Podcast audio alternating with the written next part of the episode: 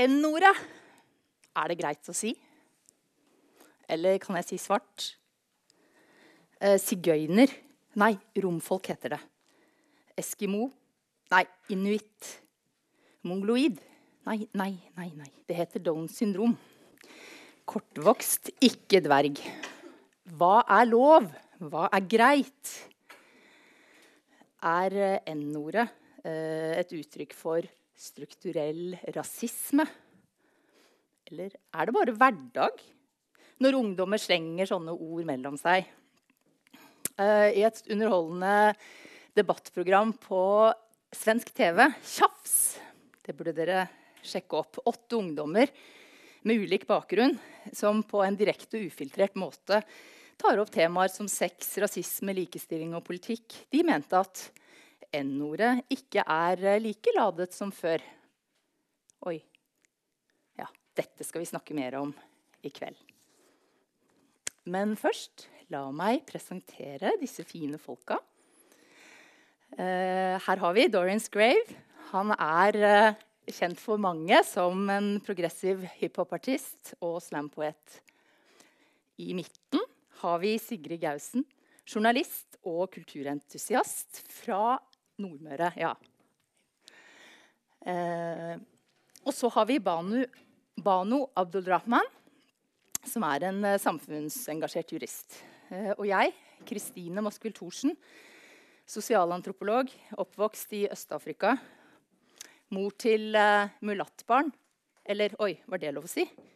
Uh, dette, denne kvelden er en del av serien uh, Et større vi, hvor vi samler unge, engasjerte, kunnskapsrike bergensere i sofaen til en samtale om spørsmål som handler om oss og dem og andre ting. Så nå tar jeg plass her og starter med the obvious question, som eh, vi har eh, annonsert. Er det greit å si N-ordet? Afrohår, svart, farget. Hvorfor? Eller hvorfor ikke?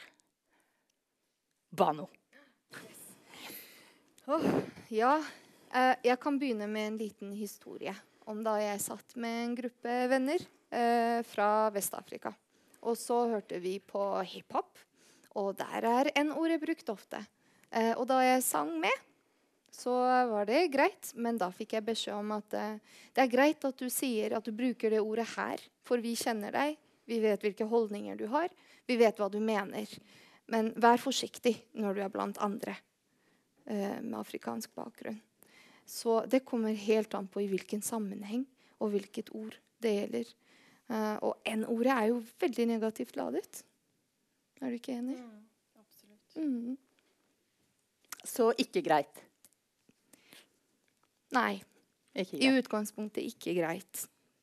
Sigrid, er det greit? Nei, det syns jeg ikke. Um, og jeg tenker, altså Når du spør meg om jeg ville være med på denne samtalen, her, så tenkte jeg det var litt sånn OK, skal jeg som en hvit person være med og bestemme det? Det, jo, måte, det er jo viktig at uh, om det er greit eller ikke, må jo være opp til dem som eh, føler seg truffet av det. og sånne ting. Men jeg vil i hvert fall si at jeg er jo her fordi at jeg vet at folk ikke syns det er greit. Og da tenker jeg det er viktig at en på en måte eh, er klar over det. Eh, og at en eh, viderefører det til folk som ikke skjønner hvorfor det ikke er greit. For det tror jeg fortsatt det er en kjøle mange eh, i Norge i dag eh, som ikke skjønner hvorfor det ikke skal være greit. Um, så det er jo veldig interessant. Mm. Du har uh, sagt til meg at uh, f.eks. så er det litt annerledes på bygda, der hvor du uh, kommer fra, egentlig. Ja. Og, og, her i, i Bergen i forhold til det. Er det det? Eh, ja, jeg tror det at det er forskjell på bygd og by når det kommer til rasistiske holdninger. Jeg tror det er mer rasisme på bygda.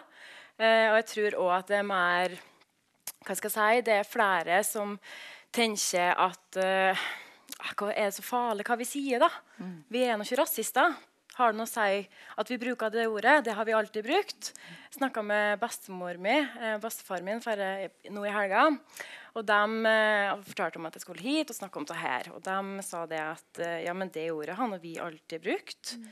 Det er ingen som har forklart meg hvorfor jeg ikke skal bruke det. Og så satte vi ned og på en måte forklarte liksom, historien med det ordet. Og eh, hvorfor mange syns det er ikke er greit at en bruker det. Eh, og da liksom så jeg på bestemor mi at hun ble litt sånn eh, Å ja det er det ingen som har forklart meg. Mm. Så kan jeg jo selvfølgelig tenke om det altså, Det har jo mm. gått mange år og levd lenge. Mm. Men kjenner hun uh, noen som uh, ikke kommer fra bygda? Altså, kjenner hun noen som er farget, uh, som har en annen bakgrunn? Ja. ja. Det er jo flere. Mm. mm. OK, Dorian Scrave. Hva, er det greit? Your opinion.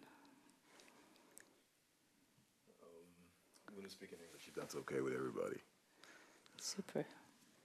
The question, the obvious answer to that question. Louder, okay. The obvious answer to that question is no, it's not okay. That's the obvious answer, obviously. But now the question is if the obvious answer is it's not okay, then why is it still up for discussion? If you know what I mean. I feel like history has always been told by those who have deep pockets, who's controlling the narrative. The word itself, I believe, is on the same resonance or wavelength as the word faggot. Mm. Yes. If I said the word faggot, I'm censored right away, quickly even on television, American television. If you say the word nigger, it's fine. The question is who's controlling the narrative?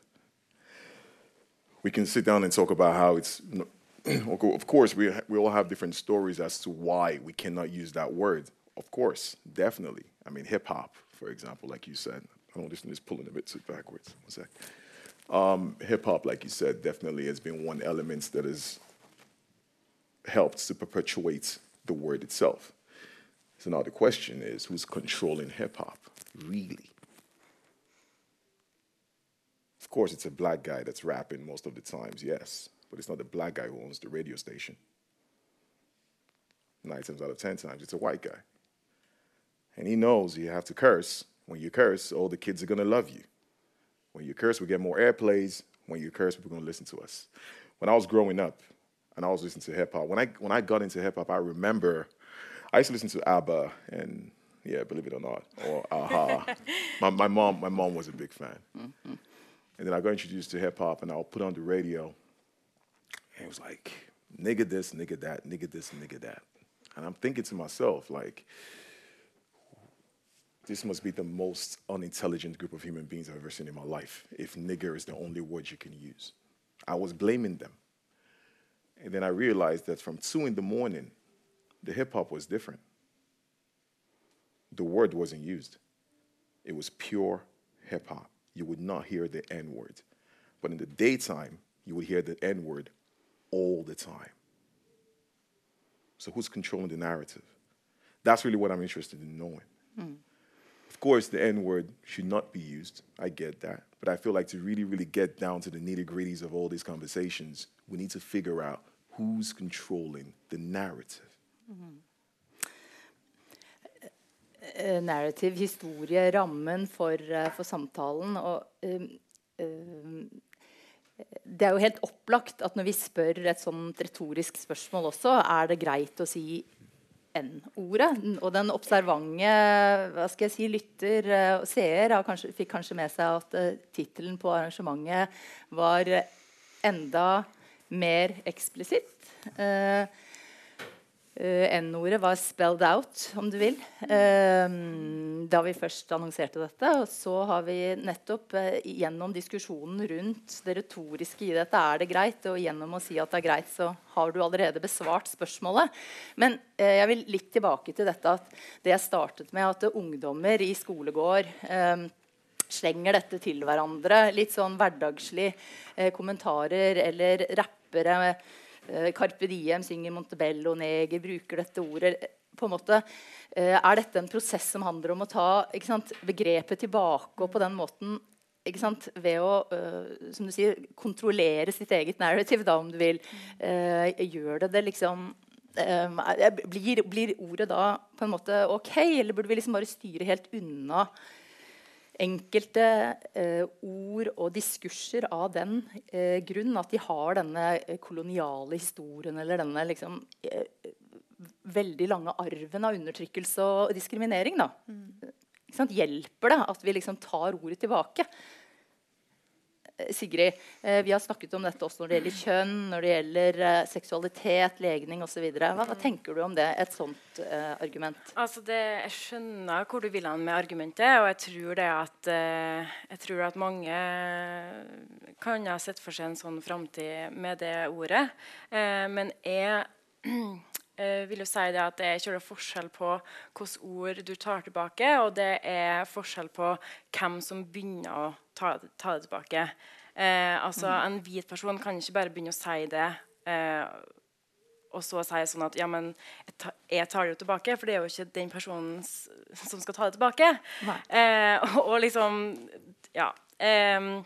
og, eh, eller komme eller Hvis du ser for at en person kommer med et argument som at jo, men jeg sier det på en eh, bra måte, en positiv forstand, jeg bruker ordet positiv, altså jeg bruker det positivt det er sånn Eh, det kan ikke den personen være med å definere. Eh, og I tillegg så vil jeg si det at eh, ja, som sagt, det er forskjell eh, på ord. Og det kan hende at det ordet her har en såpass lang eh, og vond historie at en bare skal holde seg unna det. Og det er en, en, annen ting jeg vil på en måte komme litt inn på, er at eh, du har folk som kanskje sier det at ja, men hvorfor kan vi ikke bare bruke det? Vi mener det ikke rasistisk. det har jeg alltid brukt. Og da er det litt sånn Jo, men trenger du å bruke det?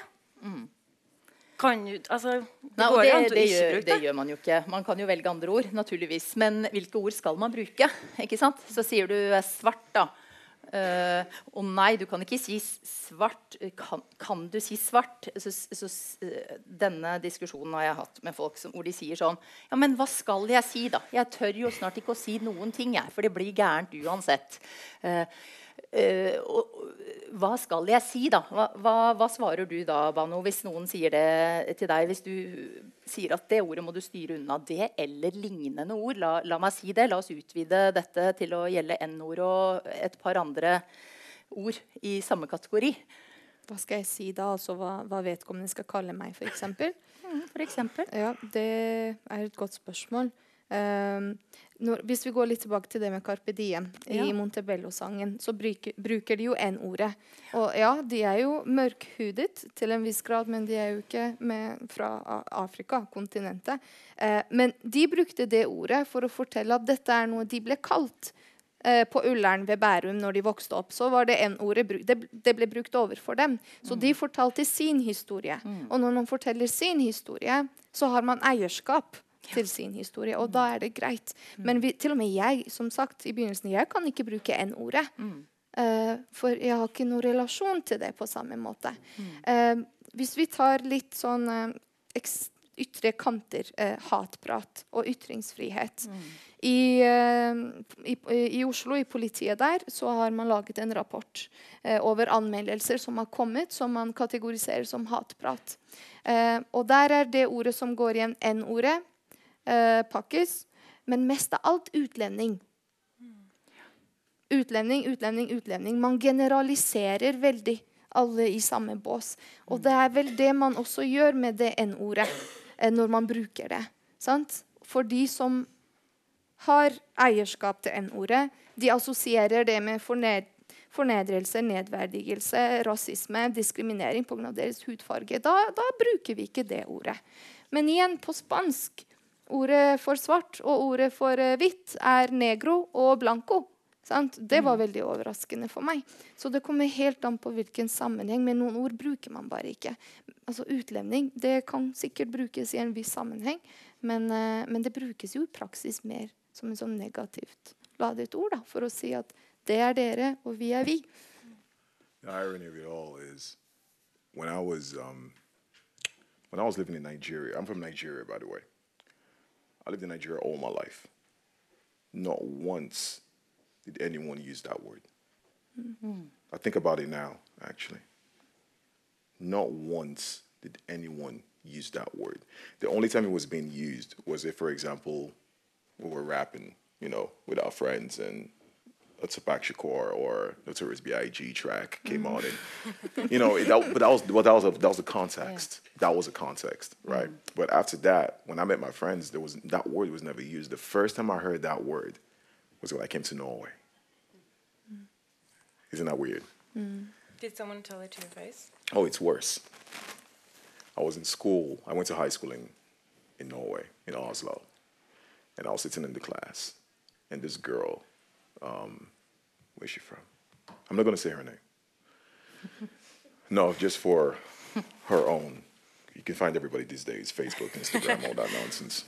Um, she, she, she just joined the class a month later that I had begun in the school. And she sat close to me. And it was English class. And then the teacher walked in. And then the teacher asked her, What's your name? And then she told the teacher her name.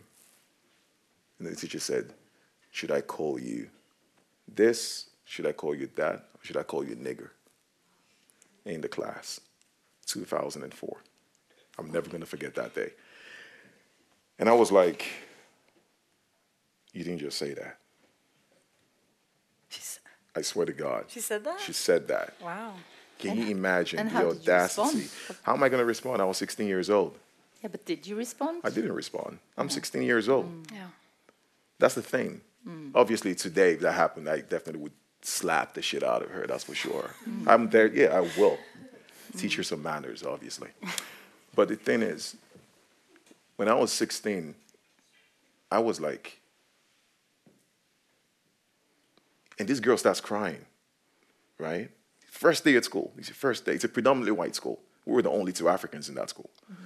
And it's in Oslo's Vestkanten. So you were a bunch of shitty kids. And um, no, for sure, with, with, no home, with no home training. And, uh, and then it became, and then I came home and I asked my dad, and I was like, hey, listen, this just happened. And my dad was like, yeah, welcome to Norway. Get used to it. Isn't that weird? I'd lived in Africa all my life. I've never been called that word.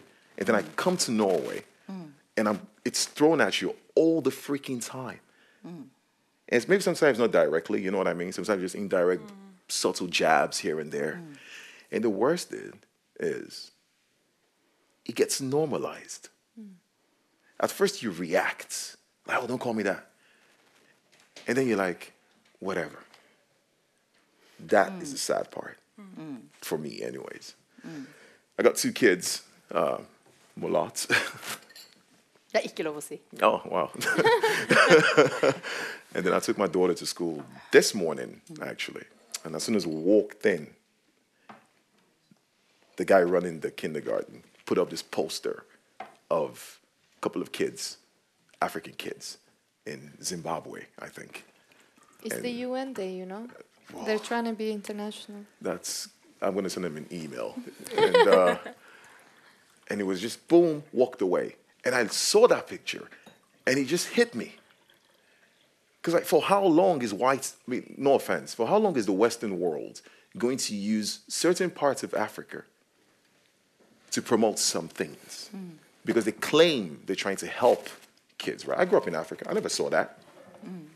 But when you watch television, and then the worst thing is when they talk about it, they say, "Oh, they're about knowing Negaban." These are the conversations they have. I've heard them have these conversations. So, where's this really coming from? If a woman is 80 years old says "nega," honestly, I'm not really that angry. Why? Because she's 80 years old. They don't really know better. Most of them are coming from Big Da or whatever you call it. You know, and that's fine. Sorry. But when someone who's in their 40s uses that word, I have a problem with it. I'm like, you know better, don't you? You know, so og, og, og det er jo nettopp dette når vi snakker, eh, liksom, vi snakker om rasisme nå. ikke sant? N-ordet. Vi snakker om rasisme. Og eh, noen ganger så syns jeg det kan være nyttig å liksom, tenke litt sånn bokser og definisjoner og, og sånn. Fordi eh, noe av det vi har snakket om nå, er litt den der, eh, psykologiske tilnærmingen til det. ikke sant? At det er fremmedfrykt, på en måte. At eh, folk et, grunn, et, utgangspunkt hvor vi tenker at mennesker grunnleggende sett er skeptiske til andre.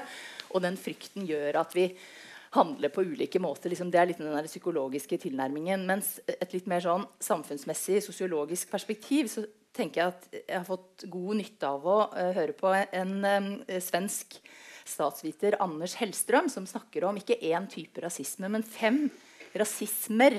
Eh, og liksom bare kjapt ta oss gjennom det, fordi det kan gjøre at det er liksom lettere for oss å snakke om dette videre. i samtalen videre. Og den opplagte eh, første, den biologiske rasismen, det er der det kom fra. Den som antyder at det er biologiske forskjeller mellom mennesker. Den er vi på en måte heldigvis eh, liksom, Den kan vi i hvert fall i stor grad legge vekk. Og, og de fleste er enige om det. Så har man denne litt mer nyrasismen, eller den der kulturrasismen, som eh, tar utgangspunkt i et mer sånn eh, kulturessensialistisk grunnsyn. At man har en idé om at en kultur er en fast og ubevegelig størrelse, og at det da er på en måte uforanderlige eh, forskjeller mellom kulturer. Og denne rasismen ser vi en god del av nå. Og så har vi denne postkoloniale rasismen. Den som sier at vi har disse koloniale strukturene. De lever fortsatt i og mellom oss. Og vi har vært inne på det nå i forhold til språk, f.eks. Så nærmer vi oss kanskje det som jeg ønsker at samtalen skal handle litt mer om nå. Som er dette, den institusjonelle, strukturelle rasismen. Som, eh, hvor vi ser at ting måte, Det er strukturer som reproduseres gjennom små handlinger og store handlinger og strukturer på mikro- og makroplan. Og den siste kategorien, den femte her, som eh, jeg syns er veldig interessant å snakke om, er den såkalte hverdagsrasismen. Eller disse mikroaggresjonene. Dette skal vi snakke mer om. Hvor, hvor man egentlig kan koble den ideen om liksom, små individuelle erfaringer, men gjentagende erfaringer med litt sånn makrostruktur og mønstre der. Hva, det er da vi begynner å se de mønstrene. Når dette skjer gjentagende ganger gjennom små stikk, små kommentarer, små handlinger.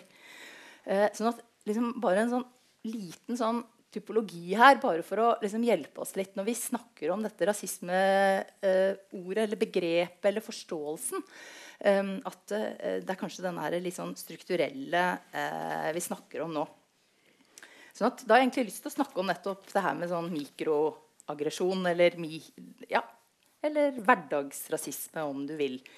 Eh, vi kan Vi kan også begynne et annet sted med det i forhold til kjønn. Ikke sant? er det har du opplevd eh, mikroaggresjon som kvinne? Som hvit kvinne, norsk kvinne? Hvit, Sigrid. Ja. Hvit cis-kvinne. Ja. Heterofil. Ja, ja, heterofil også. Ja. Okay. ja. Så, eh, nei, men det, det er jo um, Altså, jeg har jo helt klart opplevd mikroaggresjoner mm. eh, fordi jeg har vært kvinne. Og det er vel noe som jeg var ganske klar over um, ganske tidlig, uh, og som jeg på en måte opp gjennom året har sett. Og det, det, er det som er litt vanskelig når folk spør sånn ja, men Hva mener du egentlig, da? Det, og da er det jo, Når en mm. blir liksom spurt om det, så er det sånn Det er vanskelig å på en måte pinpoint, da, for det er mm. så små ting. Eh, det kan være at du eh, kommer på vei hit jeg, jeg, bor egentlig på Vinstra og er journalist der akkurat nå.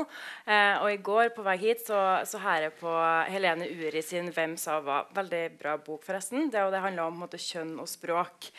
Eh, og Hun hadde et eksempel som jeg kjente meg veldig igjen i. og Det var hvordan menn eh, kanskje utelater damer når de snakker sammen. Så du er, så er på en fest eller en ja, forretnings, mm. forretningsøyemed, og så står det noen menn i en gruppe og snakker. Eh, og så skal du på en måte ja, prøve å mingle litt med dem, da, og så kommer du inn i den samtalen. Og da eh, sier Uri da at det, menn er typisk at de ikke på en måte de inviterer ikke det så veldig mye i samtalen. At de mm. fortsetter bare i sitt kjør og sin, mm. på sine tematikker. Mm. Eh, ofte litt sånn typisk mannlige tematikker. Og så legger de ikke så vekt på at du har kommet inn i samtalen. Um, og det er sånn det er alle sånn små stikk. Sånn at hvis jeg f.eks. skal forklare dette her overfor eh, faren min, da, eh, som jeg ofte prøver å belære om feminisme, det er jo alltid, alltid like gøy eh, Og da blir en sånn Ja, men det har ikke noe å si. Det er noe lønn du må tenke på. Det, må, altså det er sånn Hvorfor kan du ikke tenke på de store tingene? Hvorfor kan du ikke eh, drite i de små tingene? For ellers så får du ikke til forandring. Og da er jeg selv opptatt av at de små tingene har òg noe å si. Eh, og det, Det er de små tingene som opprettholder de store mønstrene. ja, sant? Det og det må være lov til å se på begge to samtidig. Det må være lov til å bry seg om hele spekteret, både fra de kjempesmå tingene og de store tingene. Da. Eh, så det er veldig Men jeg slipper jo eh, jeg slipper unna veldig mange mikroaggresjoner. Jeg jeg er hvit, jeg er cis-kvinne. Liksom, jeg, har, jeg er ikke handikappa. Sant? Det er det med 'check your privilege'. Og det, det tror jeg Ja, ikke sant? ja, men det er, det er noe med det å måte være klar over eh, hva ting jeg slipper unna. da. Jeg slipper å tenke at OK, det og det skjedde. Eh, er det fordi at Er det pga. hudfargen min, eller er det ikke? Altså, hvit er det, Vi er rigga i et system hvor hvit blir sett på som normalen da, for mange. Men Bano, du er like hvit sånn helt objektivt sett. Eh, men, men er du Altså, opplever du Er det like eh, straight road som eh, Sigrid snakker om? Absolutt ikke. Nei, Eh, fortell. I Kurdistan Jeg er opprinnelig etnisk sett kurder. Eh, og der ser vi veldig opp til det med å få lysere hud og blå øyne og eh, blondt hår. Og, så folk, kvinner med bøtte og spann sminker seg for å se lysere ut. Og linser i øynene og bleke håret, for det er det vakre. Det er det skjønne. Eh, men hvis man skal ja, bruke et eksempel på de som ikke er like vakre, så tar man de som er litt mørkere i huden. Fordi man anser seg altså I, i Irak så er man gjerne I Midtøsten da er man litt mørkere i huden. Eh, men mikroaggresjon I helgen så var jeg på et kurs sammen med en gruppe afghanske ungdommer. Og målet var å lære å ha dialog. Men da kom også identitet og verdier inn. Og da var det noe som var interessant. Hvis eh, en eh, etnisk norsk person spurte en av disse ungdommene hvor kommer du fra da? Så var det noen som ble forvirra. Hva mener du? Mener du land? Mener du by i Norge? Hva mener du? Nei, jeg kommer fra Stavanger. Å ja. Ja, men eh, etnisk sett, hvor kommer du fra? Ja, ok. Sant? Man blir litt sånn kynisk, for man vet ikke hva å svare i hvilken situasjon. Eller så godt norsk du snakker, da, så flink du er. Hva vet du om jeg ikke er født her? Altså, og, men noen tok det som positivt. Noen syntes det var bra, fordi de hadde bare bodd her i tre-fire år. Så de tar det som et kompliment. Mens de som er født her, de, de, de er lei av å bli bitt av den samme flua flere og flere og flere ganger. Selv om den enkelte personen mener godt. Eh, tenkte ikke vondt, men eh, samtidig tenker jeg at det er viktig at man skal huske at denne personen opplever gjerne dette veldig ofte. Og da kan det bli irriterende over tid. Så der er det Kan jeg ta på håret ditt? Ja. Ikke Ja. sant? Kan jeg ta Ja, ja. på håret? Kan jeg ta på huden din? Særlig når du skal på date. Banu. ja.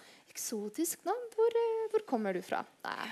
Da, du, du, du, du skaper en barriere selv om du egentlig mener godt. Du vil egentlig bare kommunisere og komme nærmere hverandre. Så blir det fort eh, en barriere. Og så har det mye å si med den enkelte persons identitet. Hvor trygg føler man seg på tilhørigheten sin? Eh, og det varierer. Eh, Dorian, har du, eh, opplever du disse mikroaggresjonene? Hverdagsrasisme? Små kommentarer? Yeah, I mean, of, of course, of course. I mean, I don't want to. It's too obvious to Yeah, that's the answer. thing. Yeah, it's just like it's like racist. I mean, every every African who's been here has Yeah. been through all sorts of microaggression or macroaggression. It doesn't matter. But I'm trying to stick to the ramification of this, this, the word, the N word itself. I'm thinking about that all the time, mm. and and I'm just trying to figure out like what makes it why why not to re not to reiterate my opening statement or anything but like why why what makes you comfortable hmm. or uncomfortable you know the word in other words why use it at mm. all mm, mm.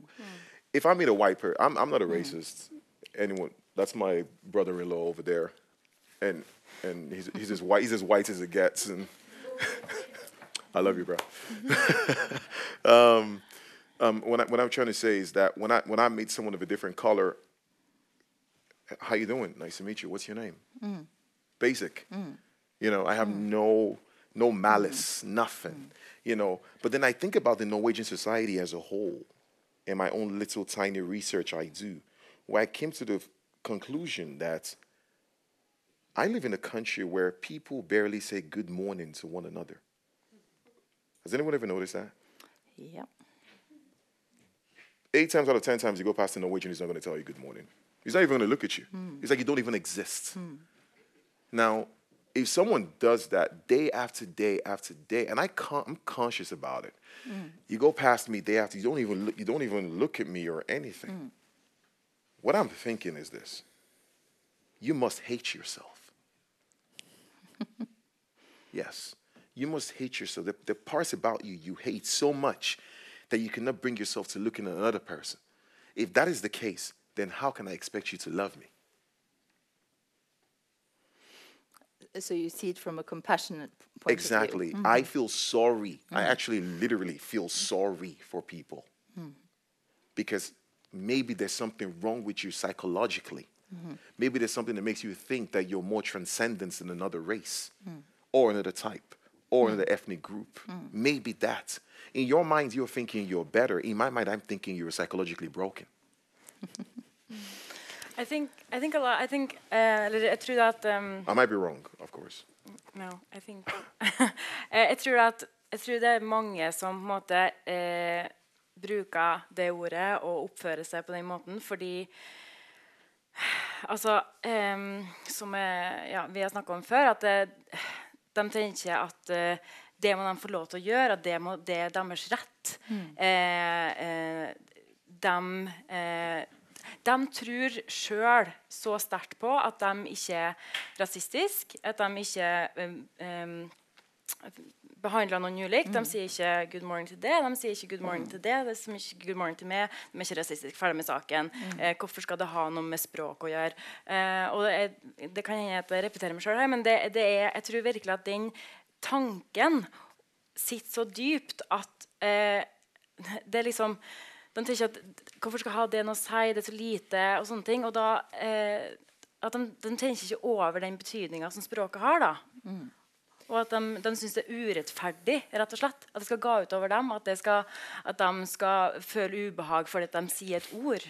Å, det er urettferdig. Sant? Ja, jeg, jeg skjønner. Og, og det er jo klart at liksom, eh, sånne undersøkelser og sånn sier jo at liksom, nordmenn blir mindre, altså, er mindre skeptiske til eh, eh, fremmede. At liksom, det er, eh, Norge er liksom det tredje minst rasistiske landet i verden.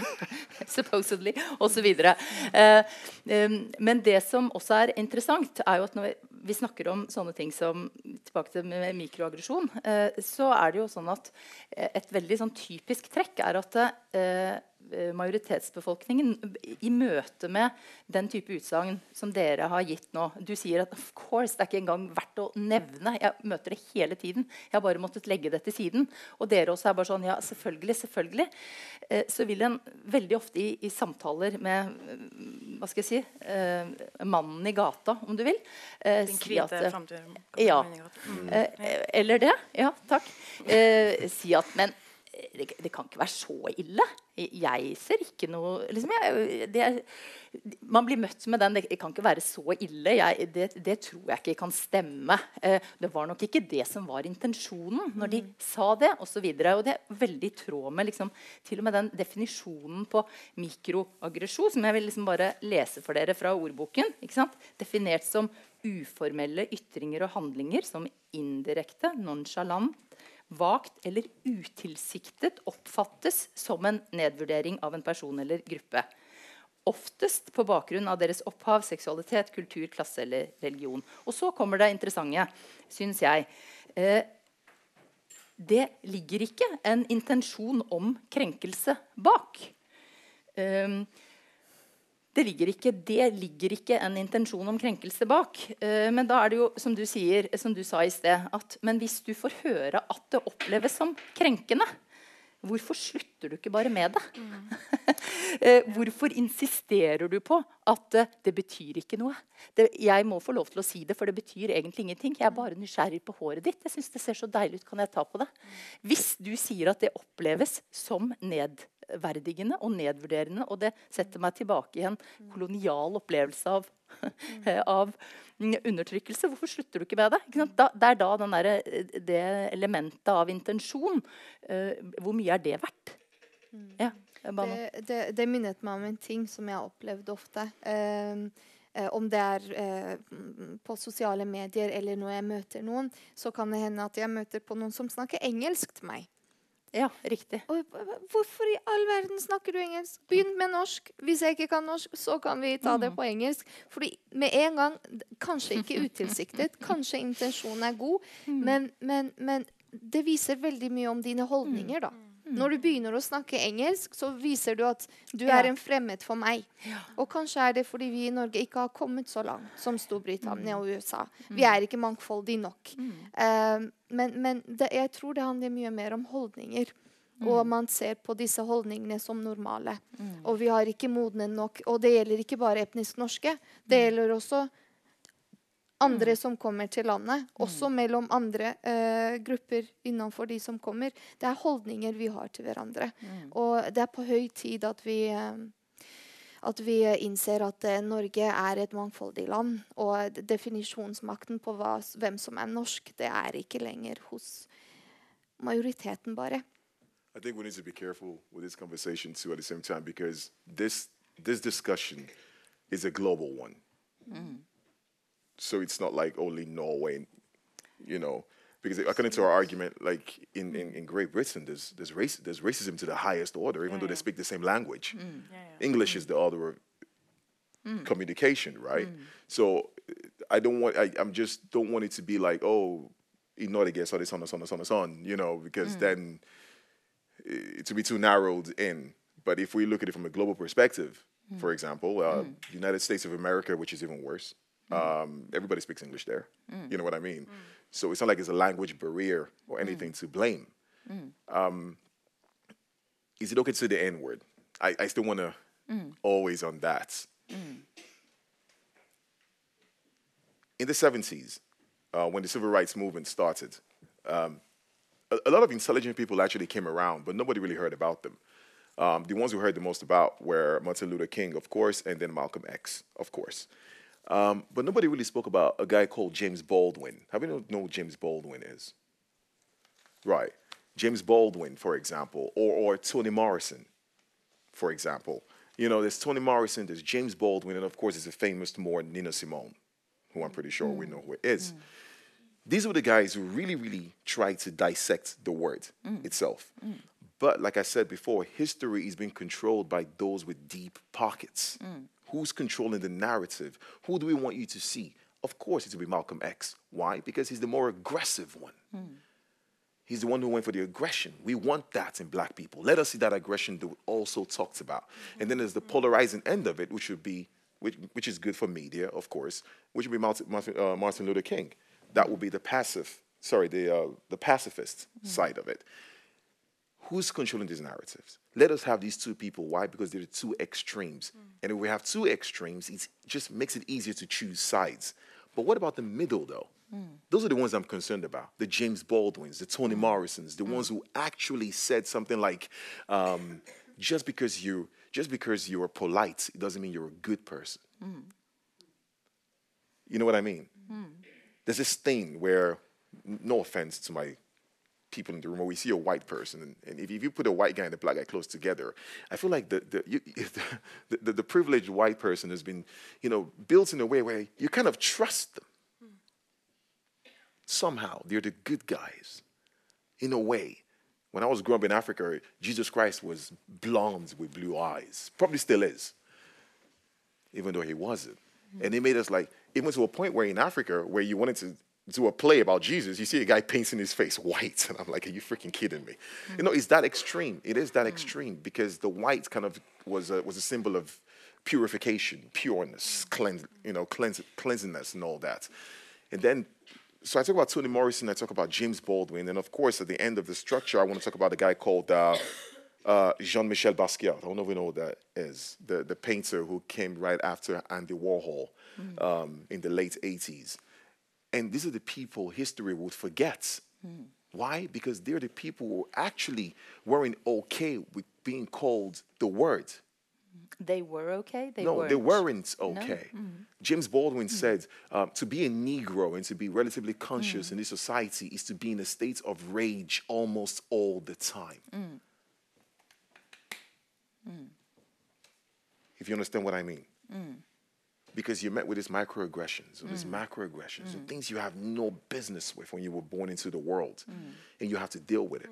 And not to talk too long, but I'm just I've been trying to narrow down where that word came from. Why is it so popular? What made it okay? And then in the late 70s, what happened? Hip hop came around, right? And when hip hop came around, there weren't no nigga this, nigga that. Guys were just doing the art because it was poetry, it was what it was.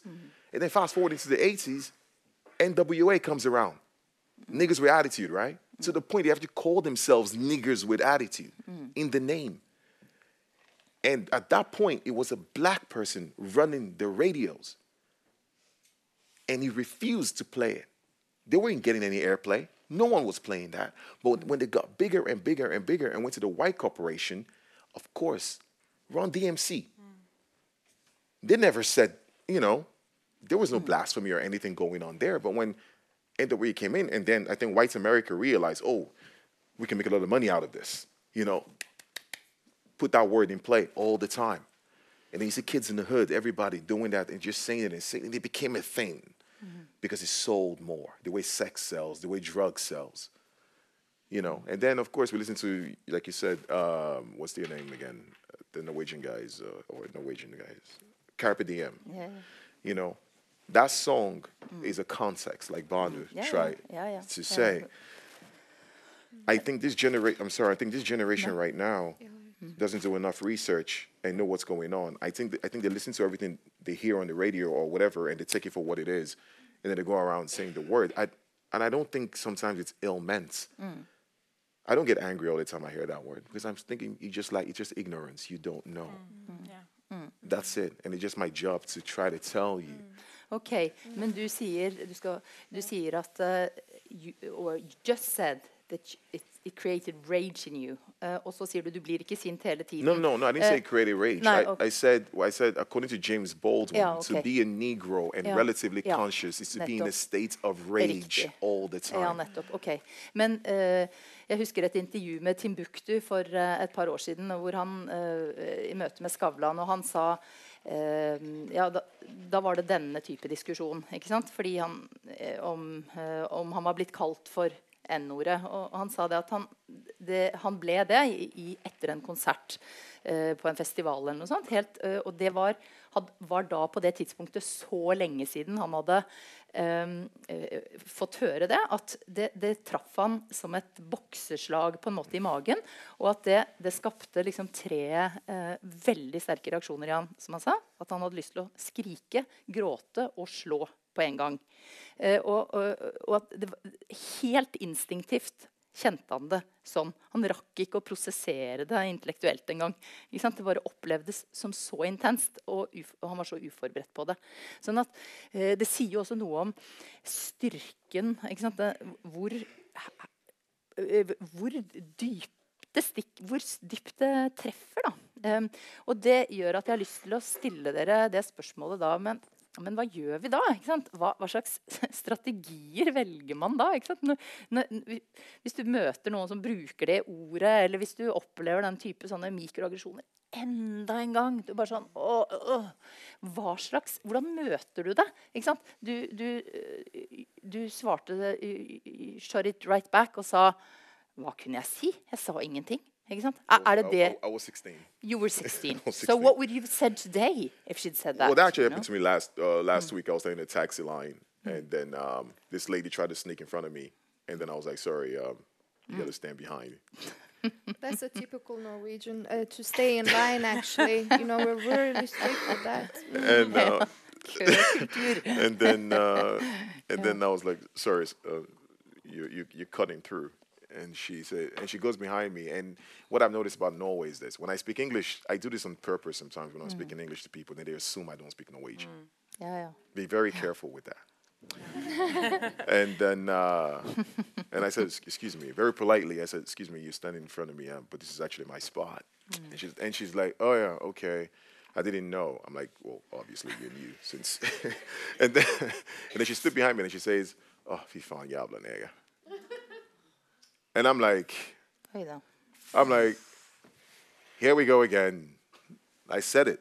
I was like, here we go again. Is there anything else you want to call me? Hmm. She said, no, I didn't say anything. And I'm like, Really? She said oh, that? for sure. Wow. Bold. And I'm like, you're kidding. Funny thing is, hmm. even if you said it in Norwegian, hmm. any idiot would know that the word nigga, Yeah, you know, yeah. if you Yeah, know what I mean, you know, Yeah, yeah, yeah. you don't need to put two and two together to know what you're saying. You know, I could be from Kathmandu for, for all I care, but when I hear that, I would know. And, and, and, and I, she was drunk though. And, and I was like, well, you know what? It's, it's whatever. I'll let your mm. ignorance kill you, mm. you know? But how do I face, I'm sorry, how do I Yeah. face the society today? People look at me a lot and say, hey, Michael, you do all of these things and whatever. I started Slam Poetry Barrigan. I run Slam Poetry Barrigan. I'm the face of Black Slam Poetry Barrigan. Why do I do it? It's not for me. It's not for you. It's for my mm. kids. Mm. Because I want my kids to grow up in the next mm. generation, 20 years, where they're like, hey, my dad did that. So it's now it's a black guy who's, it's, I'm a black guy living in Barrigan, and, and, and you start something apparently monumental, you know, and I, then I do something called Sneaker Storm for all the, for the Barrigan community where that generates whatever. And it's just to make, if I said to myself, as, a, as an African, I owe it to myself and my community.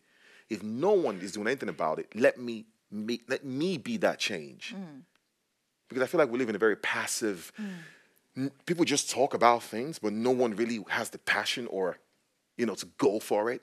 Because everyone is so scared of gonna, what they're gonna say about them. So for me, doing slam poetry, making hip hop, you know, doing all these little things, it's just a way for me to uh, make the whites community understand mm. that we can do that too. Så du må på en måte prove yourself. You have to Yeah. prove it. Unfortunately, you have to. Mm. Mm. Unfortunately. But if you're going for something higher, it doesn't matter which part of the world you are, you still mm. have to prove yourself. Hva Sorry. noe about andre Ja, jeg tenkte jeg tenkte, Andre strategier eh, Altså, språk er jo en manifestasjon av det vi tenker, og holdninger som vi har. Jeg går tilbake til holdninger.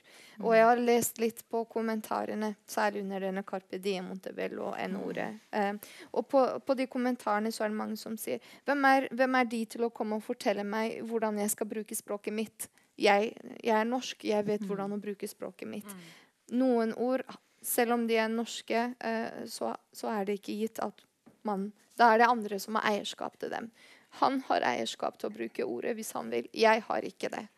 Eh, det er én ting. Holdninger. Eh, at språket manifesterer holdninger. Ekskludering. På bussen. Bussen er et godt eksempel. Hvordan Og et sitter vanlig eksempel. et vanlig eksempel. Eh, I Norge, når vi sitter på bussen, det gjør jeg òg, vi, vi sitter der hvor det er ledig, og så er det en sete ledig ved siden av oss, og der sitter ingen andre, med mindre noen andre må sitte, fordi det ikke er andre seter som er ledige, begge to. Uh, og da i samtale og intervju med brune nordmenn som har opplevd diskriminering og ekskludering i bussen, så har det vært at en dame har eh, gått inn, hun eh, bærer hijab. Og så skal hun sette seg ved siden av noen, men da har den, en mann bare tatt sin handlepose og lagt det ved siden av. Eller så er det hun som sitter, eh, og så kommer en dame eller en mann og velger å sitte ved siden av en norsk, etnisk norsk person. Og det kan jo være bare fordi at vedkommende tenkte oi, hun bærer hijab, jeg er en mann, jeg har hørt i media at muslimske kvinner med hijab ikke snakker med menn og sånn, så jeg skal være forsiktig. Eh, men men det, det, det er litt vanskelig, for man vet ikke. Så man blir veldig kynisk. Hvis noen spør meg hvor kommer du fra, eh, så sier jeg Bergen. Hvor kommer du ifra, sånn etnisk sett? Ja, etnisk sett så er jeg kurder. Jeg syns det er vanskelig å begynne å lage en diskusjon på at dette her er jeg lei av å bli spurt om. Er ikke du interessert i hvem jeg er som person? Og så kan vi etterpå ta etnisitet og alt det andre. Uh, men det er en kamp, og det er et ansvar som uh, også ikke-etnisk norske må ta. Vi har et ansvar, sånn som Michael sier, og som han gjør. Uh, vi har et ansvar for å opplyse. Eh, og vi alle har et ansvar for å sitte her sammen i dag og gå litt inn i oss selv og holdningene vi har til hverandre. For språket er jo bare overflaten. Og jeg tenker at eh, altså hvis det En ting er når en er sammen uh, med folk uh, med annen hudfarge enn sjøl, men en annen ting er hvis en sitter liksom en gjeng med bare hvite, og så er det en av dem som bruker det ordet. Og da kan en tenke at det ikke har noe å si, for det er ikke noe andre enn der. Eh, sant? Eh, og da tenker jeg at Og vi er jo laga sånn at vi har jo lyst til at uh, ting skal gå smooth. sant? Vi skal ikke ha noe konflikter. Vi skal bare OK, ja, ja, la det gå greit, liksom. Men jeg tenker at i noen situasjoner, og, eller i de situ Vi bør bli mer komfortable med å ta de ubehagelige samtalene med folk vi kjenner og er glad i og bryr oss om. Eh, fordi at og det er helt klart skyldig og sikkert ikke gjort det liksom med noen, men jeg tror at det er noe vi må måte minne oss på. At vi må ta de ubehagelige samtalene og si sånn liksom, Ta det opp, da. Bare si sånn du, det, det, det ordet er ikke greit å bruke. Og da får en sikkert en diskusjon ut av det. Og folk hater jo å høre at de ikke får bruke det. Så du sier det er deres språk, bla, bla. Eh, men da er det noe med å ha eh, som hvit person at du kan ha på en måte tålmodighet. Og du kan bruke, det, det er det minste du kan gjøre. Du kan bruke den tida. Du kan bruke tida på å forklare hvorfor en ikke bør bruke det. Og, og det er ikke alltid en får en enighet eller overbevise. Men jeg tror at uh, ja. Bruke den anledningen til å prøve å bryte noen av de strukturelle på en måte, mønstrene som er der. da, ikke sant? Det er Ja. jo det du sier nå. Ja, ja, absolutt. Og, og, og At ikke man lar det gå under radaren at eh, noen sier f.eks. Men det, det er bare mellom oss, da. Eh, Det kan jeg kanskje si her. Eh, det er utrolig ofte. Det er Det er utrolig ofte. ofte den typen. Ja, og så sitter der så er en gjeng med oppegående studenter. Alle stemmer riktig side, og vi er alle kjempe... Hva er den rette siden nå? Ja, sant, ja, da, det Det men, men liksom. Ja. Altså, En tenker at her er vi oppegående, og vi er liksom med i en. Mm. egen klubb. og sånne ting, Men det er utrolig ofte, tror jeg, da, at det blir brukt. Og, og det, det går tilbake til det med at uh, hvis en kan bruke det en plass, så at det siver ut. da, Mm. og at det, ja. Det minnet meg om eh, en studentorganisasjon jeg ledet. ehm, ehm, og der er det menneskerettigheter i fokus. Formålet er menneskerettigheter, likestilling. Vi alle er like mye verdt. Ved to tilfeller spurte jeg hva mener du med det. Og da begynner vedkommende foran alle andre å eh, forklare hva ordet betyr på norsk. Hva da? Ja. Sant? Bare, hva mener du med det ordet? Du, ja, det betyr la, la, la, la, la. Og jeg bare, jeg spurte ikke hva det betyr. Jeg vet hva det betyr. Men hva mener du med det ordet i den konteksten? Og, og det, da blir jeg litt lei meg, for dette er unge folk. Dette, er ikke, dette er folk som er eksponert, og ungdommer som er eksponert. For ja, Så du mener at de ikke større- greide å konsekstualisere? De greide ikke å forstå hvordan det var relevant i, den, i vårt samfunn? på en måte? Er det, det For du- meg så viste det at de hadde også holdninger Ja. eh, om at du er en utlending, eh, Ja. og du er annerledes enn oss. Mm. Så når jeg spør hva mener du med det ordet, så begynner vedkommende å forklare det ordet, hva det betyr på norsk. Belære deg. På engelsk, ja, eller snakke på engelsk. Right, I, I noticed that a lot in, in, in this part of the world where everything is very textbook. Ja. Everything is. I, I don't have a PhD or anything, and if you have a PhD, congratulations. but the thing is that sometimes I meet people and I ask them simple questions, and it's that quote, not quoting because I do that myself, but they start t- referring me to something they read mm. somewhere mm. about human rights and all that, you know, blah blah blah, and I'm asking, when push comes to shove, yeah, yeah, will you be there? ja. When that revolution really kicks in, will you be there? Hmm. I doubt it. Hmm. I'm a big fan of James Baldwin, and I, please, guys, check out James Baldwin, please. I'm a big, big James Baldwin follower. And he said something else. He said, I hear what you say, but I also see what you do. ja, ikke sant. And most of the times, what people do hmm. is never the same as what they said. Some people will be like, oh, jeg er ikke noe rasist. No, no, no, jeg er ikke noe rasist. But you see them doing things that are fundamentally racists. in day by days without them being aware of it, which is even the scariest part that they are not aware of it. I was standing in the bar, I was drinking. This one lady was like, "Yeah, her nigger and that." No, it was fine. The thing is, that's the funny thing. She was like, like I said, there's an age limit. I'm okay with these things. She was like in the 70s, right? And she was, and I, and I was like, excuse me, sorry, my name is Michael. Cool. Let me ask call it later. I just told you what my name was. Should I show you my passport? You know, so you get the whole thing. no, I mean, I meant to wounds. I'm like, yeah, I know. It's okay. My name is Michael. And she was there with her daughter. And she starts crying. And I'm, what, what are you crying for? Her daughter? No, the her, the, lady. Right. And the, the more she cried, I realized the more angry I got. Because I'm like, what are you crying for now? Hmm. You just called me the N word. Or, yeah.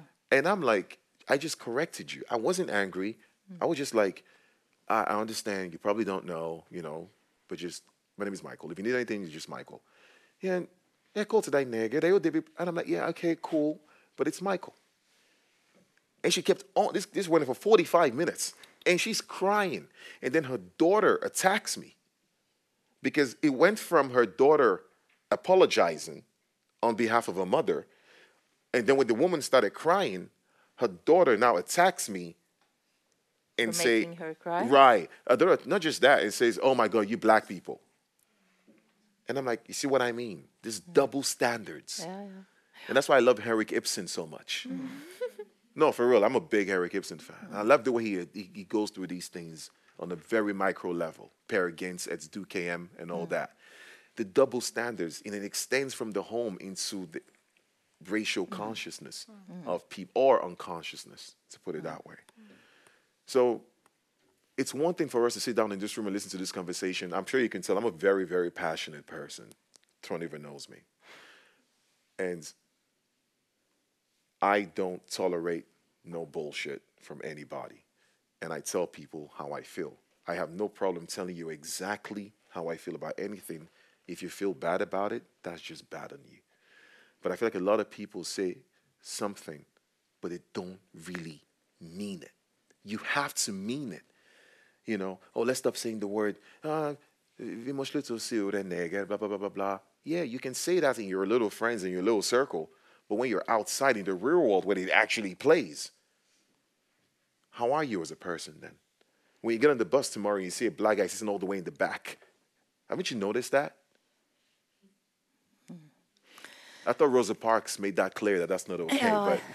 but you know, but yeah, I'm, I'm just, I'm the sorry. bus incident. Yeah, I'm yeah. just, I'm just Good gonna... picture.